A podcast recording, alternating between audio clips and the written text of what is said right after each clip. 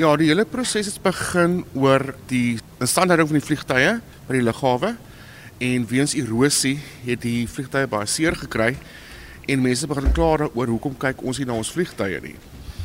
En die projek het begin saam met um, ex-kaptein Kelbrick, Mark Kelbrick, was 'n groot logistieke stelsel om die magtigings te kry en goedkeurings te kry. En baie mense was gekant daarteen om geskuif te word na ons museum toe en baie mense was daarvoor. Die groot rede was om die vliegtuig te bewaar, is geskuif na die museum toe in PE. Die Impala het by die lughawe gestaan van 1999 af. Hy's daar gemonteer en hy is geskuif na die Lugmagmuseum toe in 2020 ongeveer as hy oorgebring na ons museum toe vir restaurasieprojekte en vir uitstal vir die publiek. Hier by ons ook is Sarita Schultz, um, skakelbeampte van die Vriende van die Lugmagmuseum in Gqeberha, die baie. Wil jy nie net ons meer vertel van die Albatros spesifiek nie? Die Albatros is oorspronklik genoem die Piago 1665 en toe dit nog in diens van die lugmag was. Hy was gebruik vir maritieme operasies en die lugmag het dit 'n albatros genoem omdat hy so mooi sweef, net soos 'n sweefvoël. Hier by ons is ook Sean Moorhouse en hy is die projekbestuurder van die Vriende van die Suid-Afrikaanse Lugmag Museum. Die albatros daar was nie net een nie. Daar was aanvanklik 10 gewees. Kan jy ons net bietjie meer van die albatros vertel? The albatross was actually called an albatross because the albatross, uh, the bird itself, is related to the, the coastal area, and the albatross that we used was for maritime patrol. So I think that's the reason why it was actually given the name of albatross. We had... So nou net sê dit is 'n vliegtuig wat nou hier oor ons verbygaan. Ek weet nie of dit 'n Mirage is of 'n Impala nie, maar dalk is dit Safair.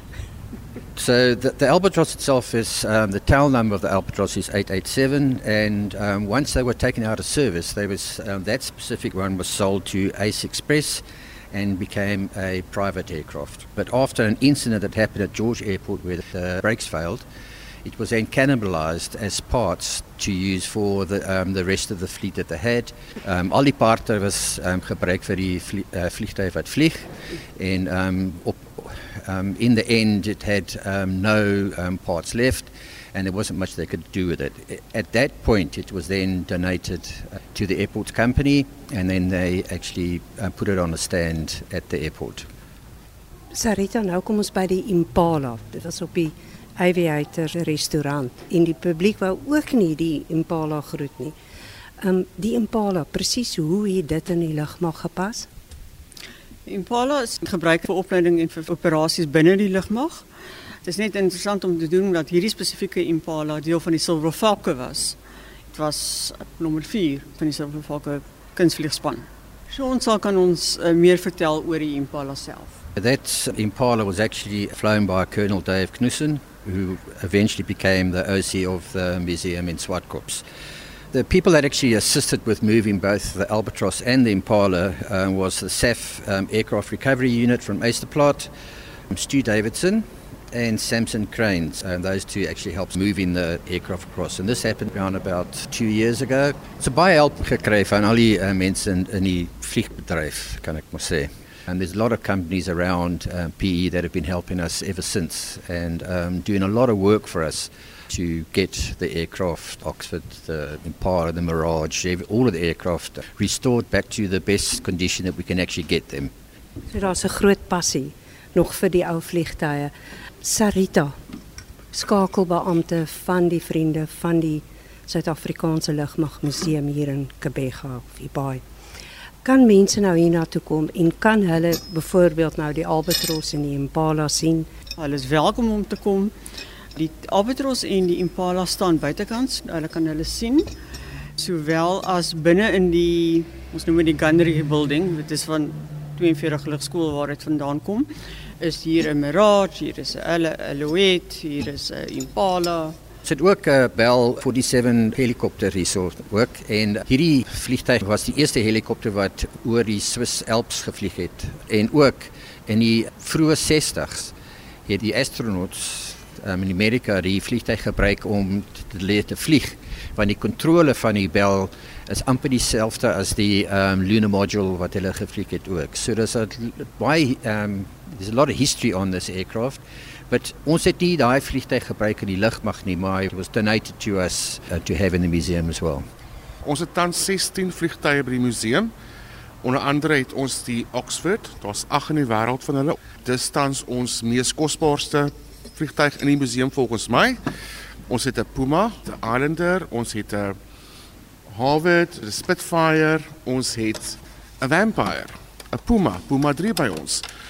Baie mense kom kuier vir ons oor Desember maande by die Kaap af of van Pretoria af sê ons reguit, julle museum is die mooiste.